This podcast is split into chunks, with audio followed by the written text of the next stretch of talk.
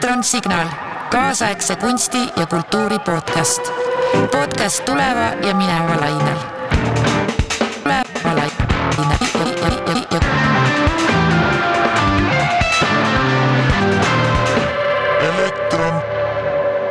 Hello, Tanel. Hello, Botana. We have uh, today uh, a little strange uh, signal episode because we are far from each other in uh, different locations and we agreed to be in locations that somehow are related to our memories or memory or that are just comfortable to think about memories. So, where are you, Tanel? I'm in a quite uh, interesting location uh, uh, in in terms of uh, memory because it's not so much related with my memory, but it's related with the memory of others. I'm right now in uh, Hiiumaa Island, where I live for the last two and a half years. And I must say that uh, I moved here because lack of total lack of memory here. I don't have any roots, and I have actually only one childhood memory here. So all my memories are from the range of the last two to three years. But I live, I, I rent an apartment, and the apartment owner uh, has uh, basically it's the grandmother's uh, old old apartment of my landlord and they keep the apartment uh, unchanged since uh, grandmother passed away.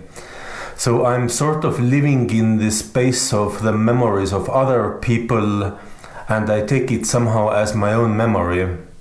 I'm in a grandmother's apartment with uh, who was not my grandmother, but it's still grandmother's apartment, and it's full of memories, although these are not my memories. So yes, what is your location? I am right now uh, on the tram stop, uh, Angeria in Tallinn, and I'm waiting for a tram here for the tram number two. And I decided to be uh, in a tram because uh, for me, trams are very symbolic personally.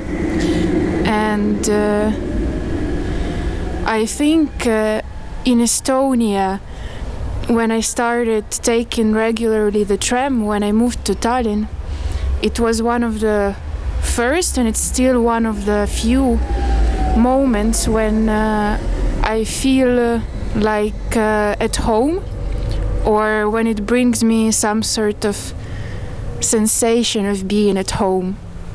So it's Hmm. full of memories actually, even though the place itself, like the tram, is you can find it in so many cities around the world, but the action of taking the tram regularly to go from one point to another, this is what for me is a memory place.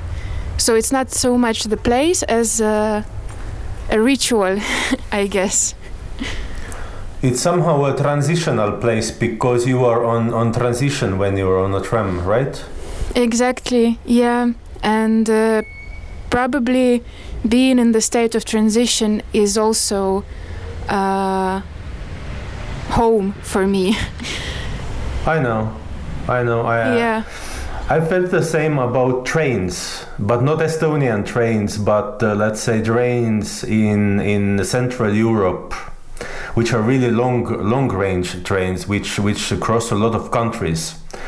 And uh, this used to be for long years. This used to be my home because on the trains I could work, I could write, I could think, I could, uh, you know, I, I generated so much of my ideas for artworks being in the trains. Is trams also somehow ins- inspirational source in artistic sense for you? Exactly, yes. Uh, when I was living in Kiev, I had a really long way from home to anywhere because uh, I lived quite far from the city center. So I always had this uh, transfer that would take an hour and a half or two hours only one way. And this was the time when I read most of the books I've read. And the time when I came up with most of the ideas I've ever came up with in general. So it somehow also created a mode for me when uh, I need to move or I need movement to think or to be creative. And this is what I wrote you in the email when I suggested let's find these locations is that it's very difficult for me just to sit in front of the screen and talk with a person about something and to come up with things to talk about. In which which direction do you go with the number two? I'm going in the direction of Suur Paala Uh huh. And uh, I'm uh, intending of going all the way to the final stop. I have never been there, so it's not so much about memory in this sense, but also a little bit about an exploration. What do you think about the uh, final destinations of trams and trains? Let's say that, or let's say city trains. There is like this final destination, which you always choose, but you never go there. So it's somehow, and maybe you have even never been there. So it's like an abstraction, and now you are going to this end end station. How do you feel about that? Hmm.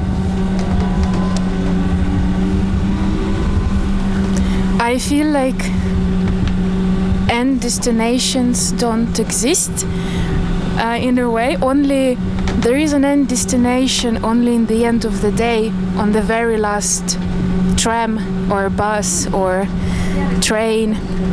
But uh, other than that, uh, in each end point, the tram always turns and starts another round. and it continues going uh, in this circle, so it was never an end point. It was just um, something to count another round from. Yeah. It shouldn't be a dead end, I think.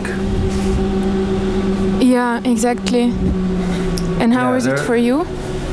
Yeah, I, I find it uh, very important to be in transition so that there is no dead ends, no like final destination, uh, which is really fixed and which uh, really make you feel that your space is limited. That you that you live in, in a closed space, you know, it, it somehow can make you feel uh, claustrophobic, sort of or this kind of feeling is the basis of claustrophobia. But um, the island, the island is very different from this. Somehow the island is a totally isolated unit, totally limited isolated unit, and some people are afraid of islands because of this.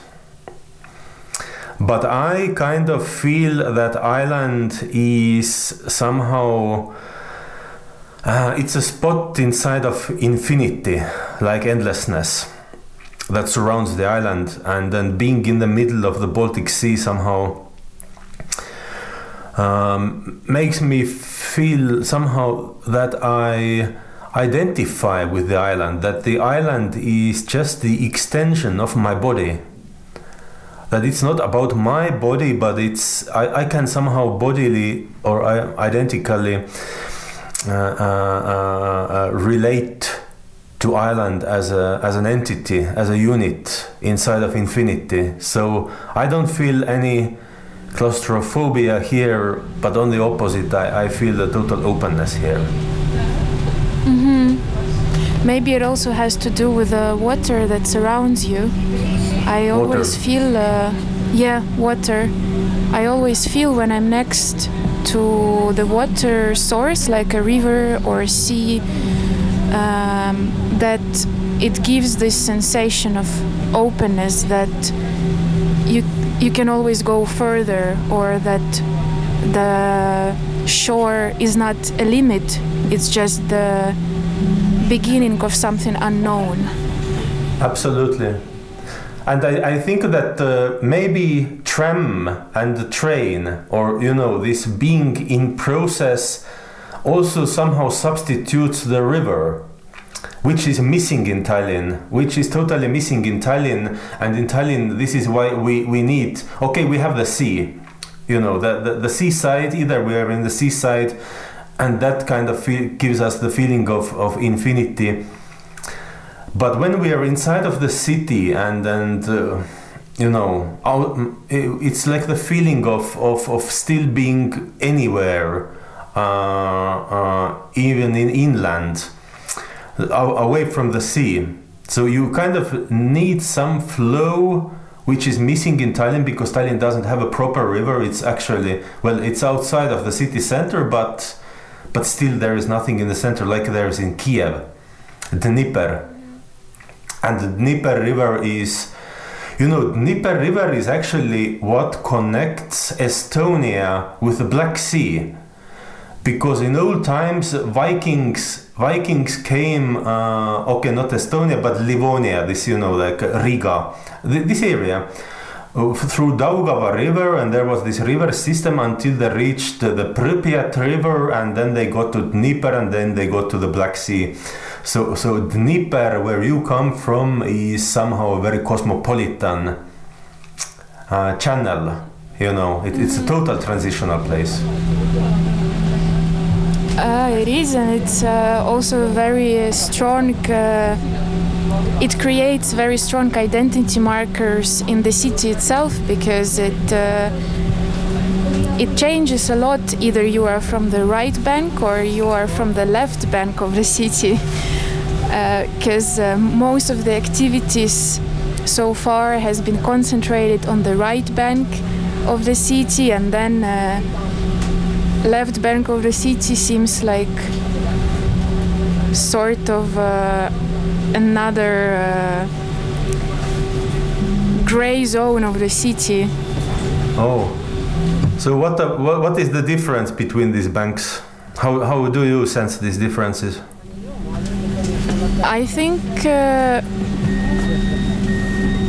it defines a little bit your connection to the city and to the experiences you can have there. One thing is the banks of the river, and another one is the districts, because in a way, all of the districts in the city have uh, quite a strong identity as well. Like, is it uh, like a sleeping area with uh, 30 floors? Residential house or is it a historical area in the downtown? And that defines a lot the places you go, the people you meet, uh, the things you do in your life as well. And it's only, I think, uh, probably my generation, uh, which is more fluid uh, around the city. You can live in one part because the rent is cheaper, but then you work in the city center, uh, in the museum, and then you go to the university in the downtown part. So it shifts a little now. Yeah, I remember I've been once in Kiev and the uh, western western bank is where the city center is and it has these high hills. And, and, you get the overview of, of the river and the other side. So this is kind of the iconic part of the city i believe. This I- iconic like a, like a monumental part of the city and also phallic phallic part of the city. And this is what goes on the postcards yeah, yeah. but the other side, I, I saw. Uh, I remember. Uh, I saw a huge, uh, like a sleeping, uh, sleeping area. Yeah, You know, this like is uh, this- what mostly is there. Mm. and that so- somehow that somehow you know like this um, this part of the river bank which is flooded this lower lower part of uh, river bank where are great floods. And uh, after the floods there are like these meadows usually this kind of wild wild areas and and and uh, these areas also get very foggy. And somehow it fits with the idea of, of sleep and, and just living or, or organic life but the other part is kind of like this cultivational and i mean i'm talking on, on the basis of my experience in living all my life in tartu which has a river and which has the same thing. One part of uh, the city is iconic. It has a hill exactly actually like in kiev. It has a hill it has a lot of monuments. It's, it's like this historical part. And then there is this other part where where is this you know where, where, where is the sleeping area and uh, which has a great floods and you know like this it's it's it's actually tartu speaking in me Okay, so this is also a very uh, common way of uh, rivers uh, deciding on the activities in the city. Uh, but also, we call today to talk about uh, one of the projects which we have been involved in for the past uh, few months in different time periods of our lives uh, Anthropologies of Space, which uh, you've been an archivist of. And uh, to give a little uh, background to people who might listen to us and also to the passengers in the tram who might be listening to me, uh, that uh, Anthropologies of Space uh, was and is the project uh, produced by Elektron in cooperation with uh, different artists and uh, researchers. And they have been exploring the relation between the human and the space in the variety of forms and subtopics. And I have been working on it together with uh, Daria Hristic we've developed a scripted walk which is called a play in walks. And last iteration of anthropologies was presented in Baltoscandal in the summer of 2022 and uh, Tanel together with uh, Kelli have been the archivists of this last iteration so maybe you can talk about what it felt to be an archivist and what it meant. What have you been doing? Okay, um, that was a quite strange experience for me because I have never been an archivist. And uh, although I've been theoretically working with the concept of an archive, uh, in practice, I I had some hardships to understand, you know, what I have to do, what I have to do, and uh, it was interesting because uh, I uh, kind of developed. I mean, I, I let myself uh, free, and I, I I kind of took it spontaneously, organically, uh, as uh, as a chance to to create an experience of my own and to and to really think about this experience and to mm, acknowledge what influences me in creating this experience and reflecting it later and uh, and and uh, my main motivation was to be as autonomous as possible you know uh, uh, not to fall um, under the influence of the concept of documentation that I have to document everything because I constantly felt that I have to, you know, I have to document everything like as much as possible.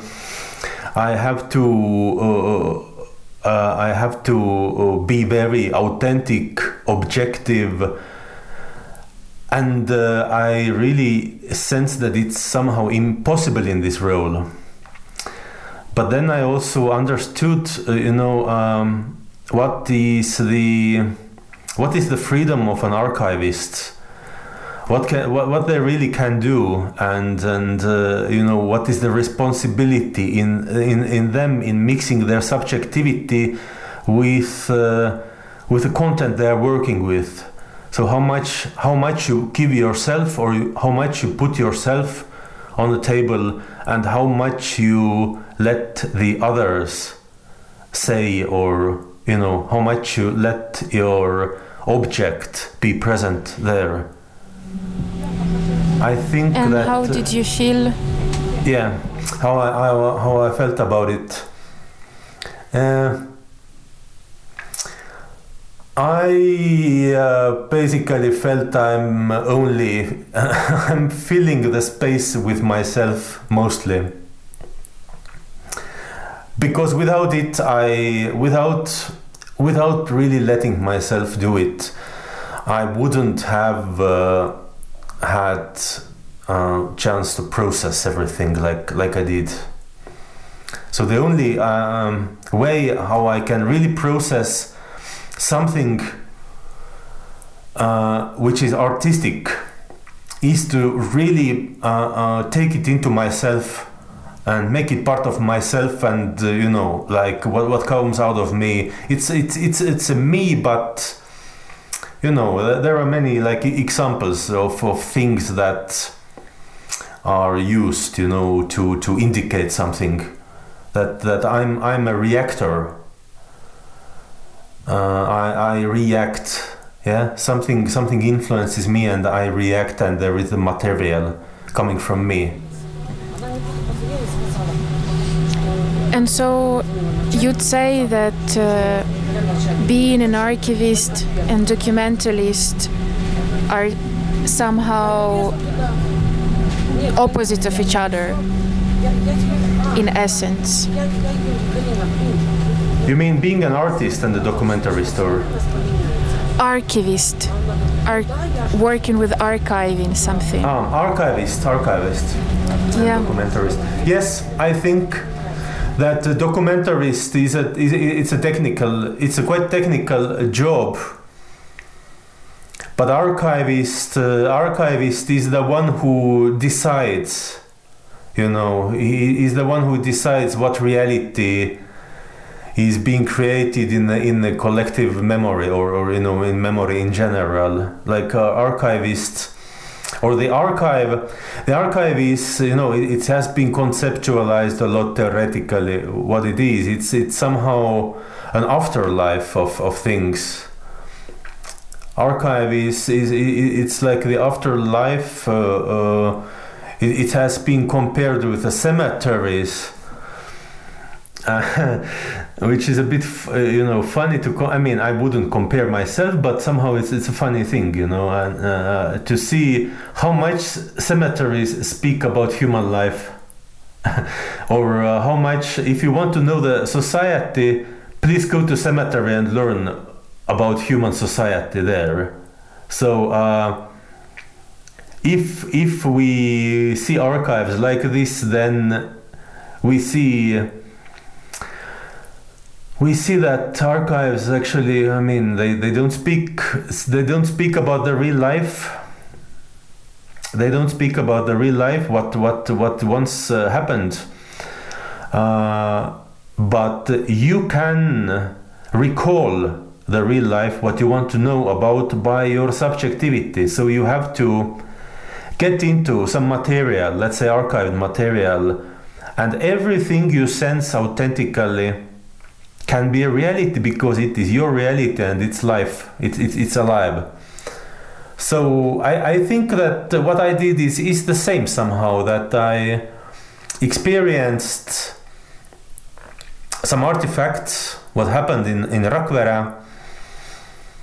and I, I lived them through in my own subjective way and I- and I used them in, in my own way and they became an, an afterlife of, of them but but they were still alive through me as my experience you know so I'm kind of the continuation of, of them in, in a different deformed way Hmm.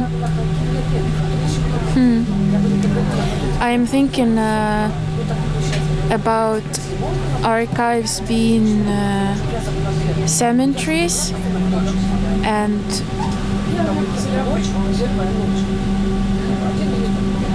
it does seem to be so like a, a cemetery which you can always activate by as you said putting your subjectivity into it extracting bits and pieces and uh,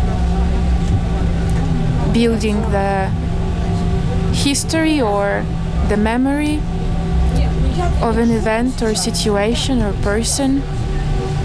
So, what do you say about relation of uh, memory and your work within this project? Well, uh, one one thing is that um, it's it's a question of how memory is formed. That we we actually you know we we immediately create memory, but we but uh, when something happens, but before we create memory, we create a, a reaction, and we create an impression, and very often our memories are not memories of events, but our impressions of, of these events. Our subjective impressions, and, and we remember our subjective impressions mostly. So events uh, very often they they create these impressions, and the events. i- i- i- It's a question: what is the event? What we, do we remember? Uh, when I now think back uh, when I think back about Rakvere, I what do I remember actually? I remember I remember some kind of plants in the yard of the shashlik bar.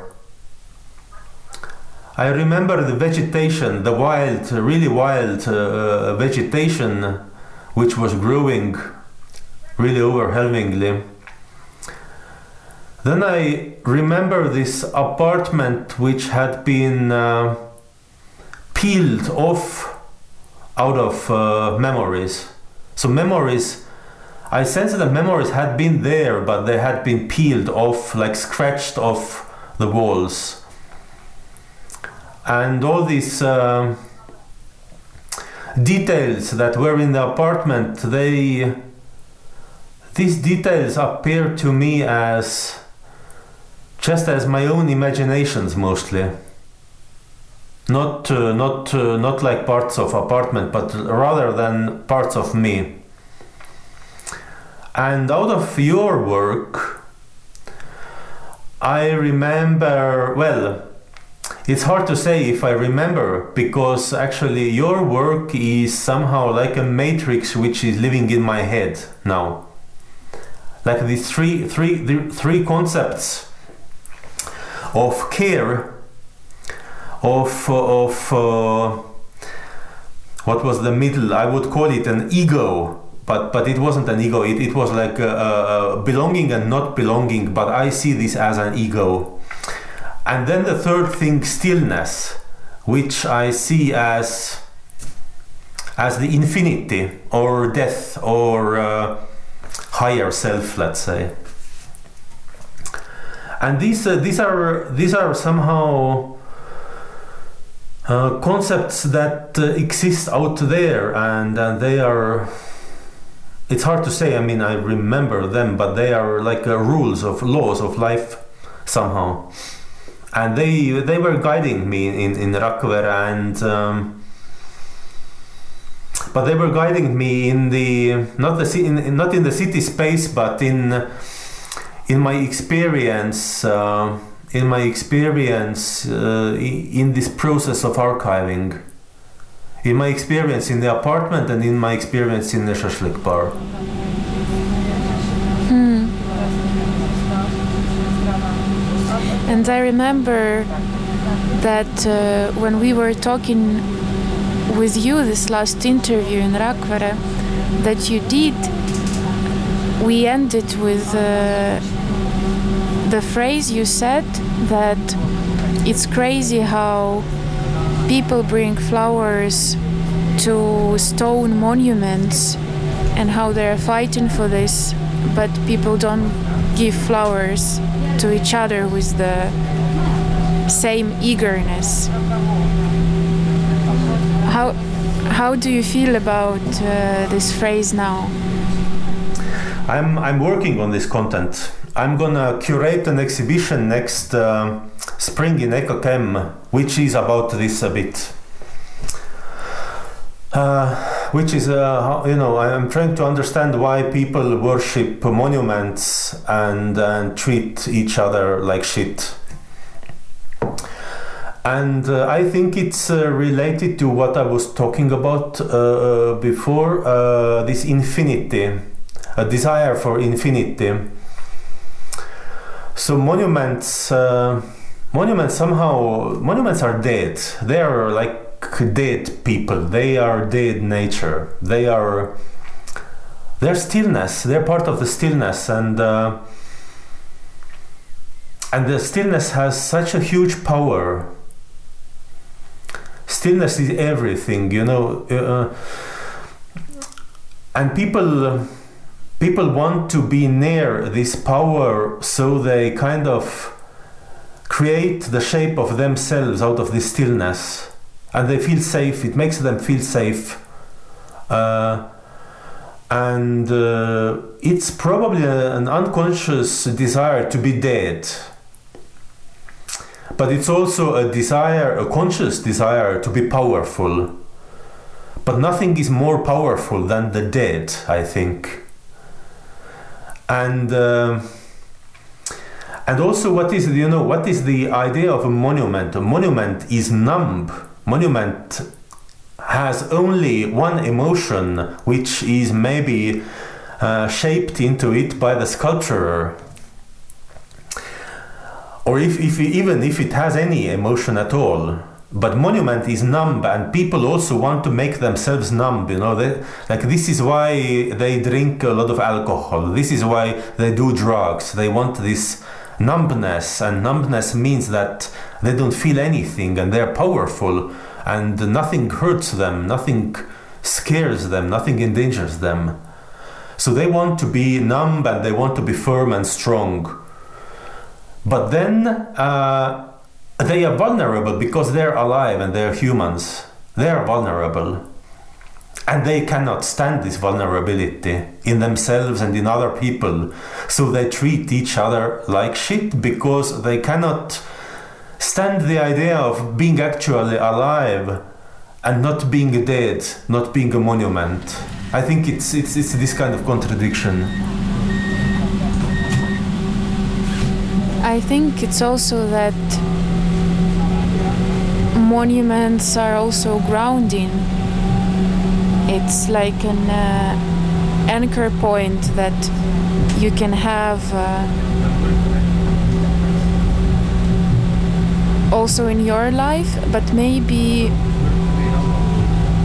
as we were saying, that memories is just memories of impressions of very subjective things, and so we are kind of alone in our memories all the time because they are only ours. And mon- monuments it's this memory in stone that proves that maybe you're not alone that it's something that you share with someone else and this sharing of a memory which we kind of trying to agree like do we really share this memory or not? Should we be sharing this memory? And it creates at one side this grounding that okay we do have someone we are not alone. And then on the other hand it provokes these disputes of but do we share this memory and should we do it or not That's true.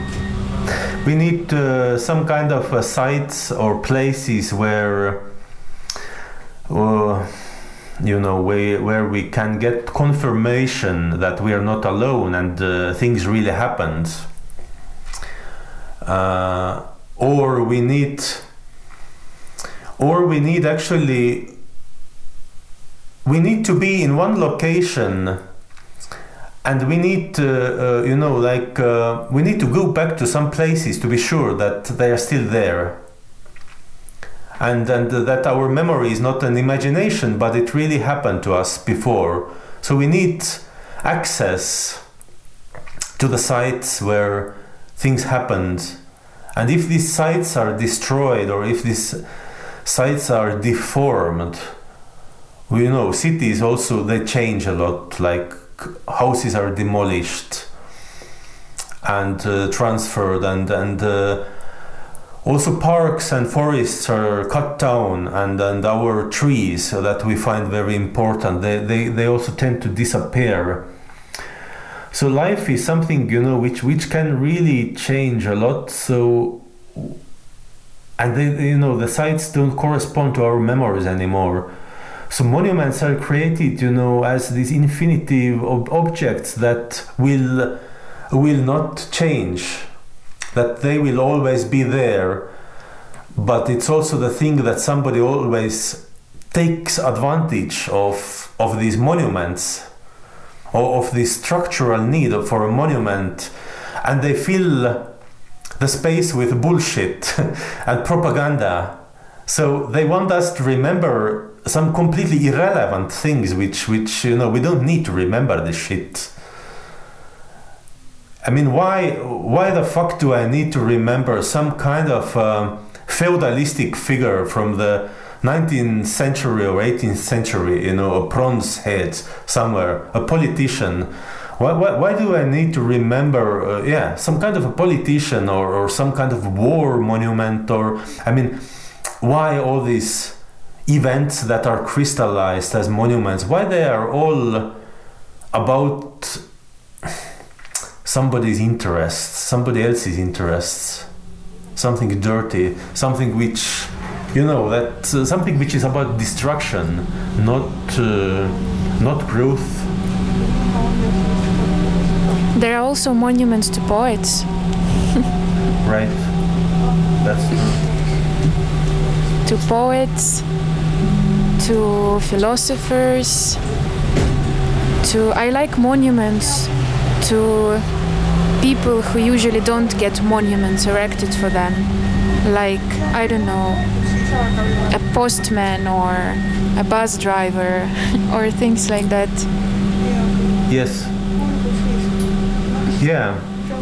There's a monument for a dog in Tartu, uh, Supilinn it's it's a, it's a wooden wooden uh, house area, a former uh, slum, uh, where was a legendary dog who who lived on the streets and everybody loved the dog and and now there is uh, not a monument but uh, but a bronze rel relief or how to call it. Yeah. So uh, this yeah, we should rather bring flowers to beautiful memories. But not political, but not political and, and uh, destructive collective memories. Not even, which are not even memories, but which are some kind of political agendas. Which are history. I think that most of the monuments they are to history not to memories because history is already reconstructed memories. Like someone takes someone's memories they find the useful way to put them and they erect a monument to a history or a story created out of these bits and pieces of memory. Yeah, and there's a struggle on creating history. Because you know, history is like an event which is created out of the archives, I believe. Or how do you see history? I just reached uh, the final stop on the tram. Oh, I don't know, should I go out or it can turn? Do you know? up to you. If you if you go out, you create history, maybe. Uh, maybe history is related with the with the end station somehow. Yeah, it does look like an end station. Yeah. Perhaps history history is the process uh, or, or like a result of the desires to create end stations. Yes, end stations. And I think both, um, uh, like the first station on the route and the last station on the route, are sort of monuments in a way. And now I'm going to. There is already a tram waiting for me to continue my journey back. so I'm trying to get in.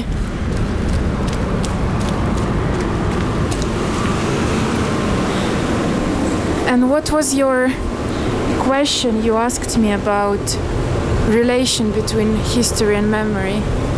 Yeah, uh, how do you see his because you you brought out uh, history in in this discussion and uh, how do you see if there is a uh, if there is an event or artifact and then there is documentation and there is archive and archivist what is the history? How is history created? I mean is history a step further from the archivist or is history some kind of a product that is created by by different interests different forces on the basis of all of these things events documents and, and archives. I think that it's probably the second option that history is sort of uh, it's an end point in this very complicated and elaborated ecosystem of storytelling.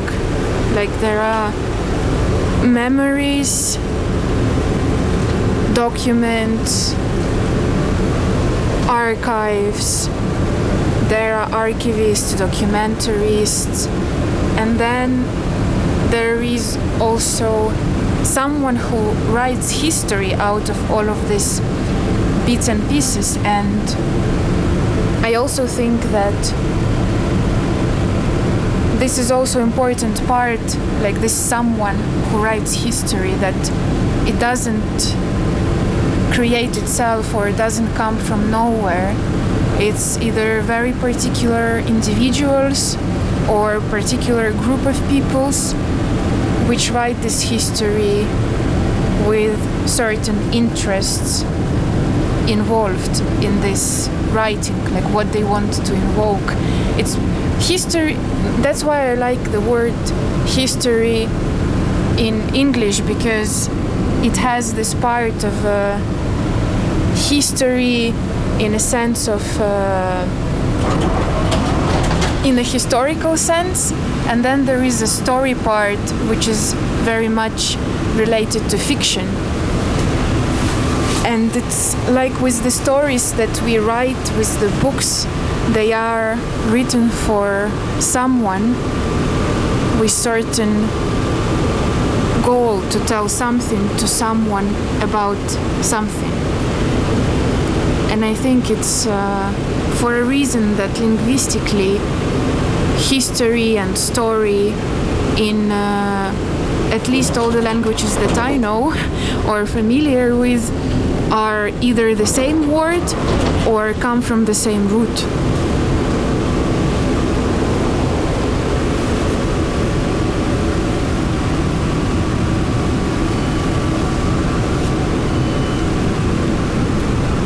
You hear me? Yes, yes, I do. Um, I'm right now working uh, with a bit of history. I'm uh, reading Chronicle, an old chronicle about the feudalist times in, in Estonia and Latvia. And uh, it's the, yeah, I mean, it's the history since history started being created here. And history started uh, being created here when Germans arrived here. Because the local people who used to live here, they didn't, how to say, they didn't have ability to write, they didn't have ability to articulate themselves. It, uh, it was a, dif- a totally different civilization here so all the history I can get is only written by those who possessed the written word and who had the power. And uh, that's totally the case of uh, history made by those who had the power to do it. And that is why all the history I can learn is the history of, of the colonizers, the history of. Um, of the oppressors, the feudalists. It's the white man's history, let's say. And now I see actually that what is the what is actually the chance to to create a, a different experience out of this history. That okay, there is uh, some documents in the archive. Yeah, basically there is the, the archive, and the archive is only based on uh, artifacts that are created by only certain type of people. Only certain type of people. People of power. So the only uh, the only way to somehow see the other side see the dark side of this history or this un- unwritten side or the silent side of history is to to do what I did in Rakvere, perhaps, to uh, somehow become the archivist myself, uh, take some artifacts and live them through in a subjective way. So, so maybe something which is missing in the history is brought alive in inside of my subjectivity. This way and all what is left of it is an artifact and everybody knows that it's not history.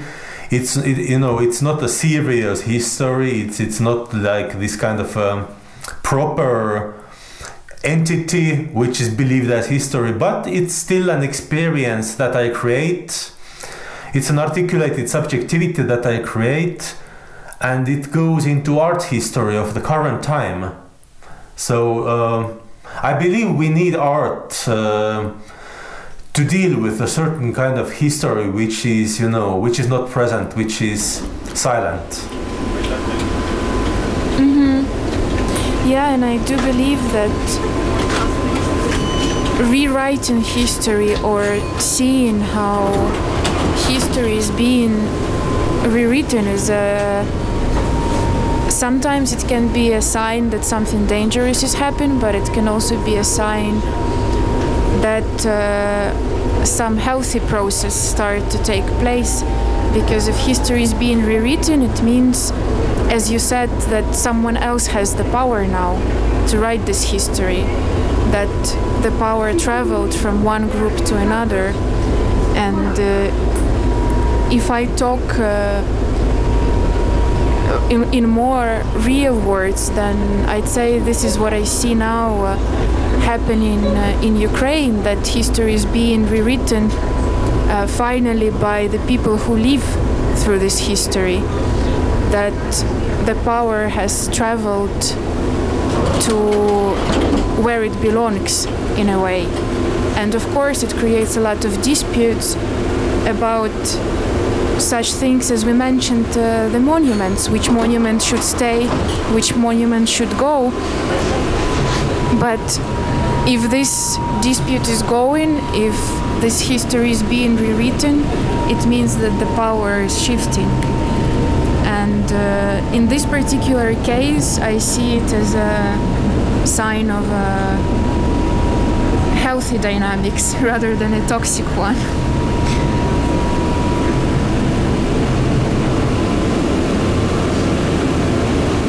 and it does take uh, artists to participate in this process. Indeed, that very many of these discussions, of these processes of rewriting are very often they come from people uh, from the field of art and culture who start these disputes or who start questioning the things we remember or the things we call history. And right now, it's also a very powerful movement of archiving. Basically, most of the artists in Ukraine I'm familiar with, their practice has transformed into a sort of archiving the events or their present time or just their everyday life, which kind of uh, makes me think that maybe all art is in the end uh, just the archiving of uh, something in one way or another, or like taking uh, taking footprints of the moment in time. Yes, I, I, I, I have seen a bit. Uh, I have seen one kind of a documentation or archive project about Donbass. Uh, I don't remember what was its name and, and who was doing it, but I have it written somewhere. And um, I see that there is a lot of um things. Uh, right now crystallizing in, in in in Ukraine. But I also believe that we we need to we need also to look into the history and not just Ukraine but also everything that has been in contact with uh, Russian imperialism Russian colonialism and then that's a totally right moment uh, you know to to do this right now and to understand what is the function of uh, soviet monuments. Because these are now destroyed in in the baltic states and and uh, and it's very interesting process to me to observe how how uh, like this kind of uh, certain kind of uh, ritual places are being uh, right now transferred or or yeah I don't think it's destroying but I mean may, maybe in some cases it is but uh, but I think destruction is uh, destruction has always happened during history especially during the time of war destruction is uh, destruction is I think part of human life and it, ex- it exists in, in in different forms. You know I mean when we when we are creating uh, when we are creating archives we also erase some things you know from the archive. We erase some memories and we don't even let some memories to be created it's our psychology which is creating these um, experiences and impressions that we remember as memories but you know we, we, we select we create these stories and there is always something we, we leave out Yeah, remembering is always uh, also forgetting yeah. or missing. yeah remember is remembering is forgetting that's a great great concept I think I'm not the first one uh, to say it. like with most of the things. Yeah. But I think uh, like I am having right now a very transitional journey because by the time I was on the tram, it went from daylight to complete darkness. I am making already a circle through the end station, and I changed from uh, the new tram to the old one, which I don't know whether old trams uh, in Tallinn also come from Czech Republic, like they do in Ukraine, or they have been built here. But it's very contrasting this journey. Yeah, the old trams are from Czech Republic, not Czech Republic, but Czechoslovakia. Yeah, Here also, uh, it's getting dark. I've been looking out of the window all the time. It's snowing quite intensively. It's still light outside, but it's getting darker and darker. But there is a lot of light here. All the traffic lights, cars, illumination on the malls. Some people have light in their houses. So the darkness is very bright in Tallinn. Yeah. Well, thank you, Tanel, for this talk a lot. Yeah, thank you. It's been a very pleasant tram ride. Yes, it's been interesting. And some interesting conclusions as well. You have conclusions? Yeah, uh, remember is he, remembering is forgetting is a great conclusion. Okay. Ni- Yeah. It's nice to have a conclusion out of a talk. yeah, right. elektronsignaal, kaasaegse kunsti ja kultuuri podcast. podcast tuleva ja mineva lainel